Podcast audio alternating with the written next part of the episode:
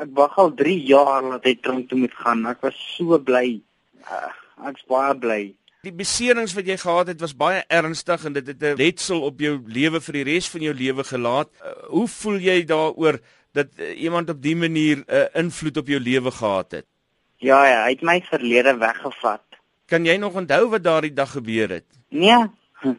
Hoe gaan ek dit kan onthou? Jy bly nou op die oomblik by jou pa en jou ma omdat hulle ook na jou kyk. Bly jy lekker saam met jou ma en jou pa? Nee, yes, ek like dit baie. Ek kry alles wat ek like. Hoe oud is jy nou, Thomas? Ek's nou 22.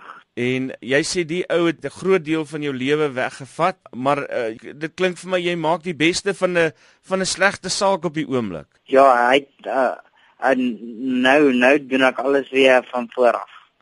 En eh, Thomas sê bietjie vir my, hoe kry jy dit reg? Want baie mense as hulle so groot probleem gekry het, dan gaan gaan sit hulle in sak en as en hulle gaan nie meer aan met hulle lewe nie.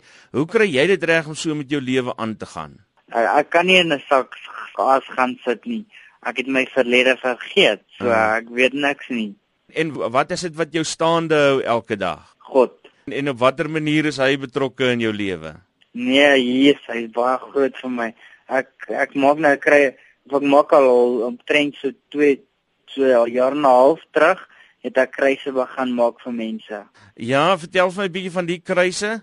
Ja, ek maak kruise vir vir nie vir hulle. Verniet. Ja, ek kan nie dit vra vir vir geld nie. Dis nie die regte ding nie. Dit staan so in die Bybel. Wat is die boodskap wat jy daarmee wil oordra? Ek wil mense vertel van van laat laat daar 'n regte 'n God en 'n Jesus is. Waar kry jy die staal vandaan? Steelian Pipe, ek is vriende met hulle almal daar. Jy kan maar kan maar hulle vra.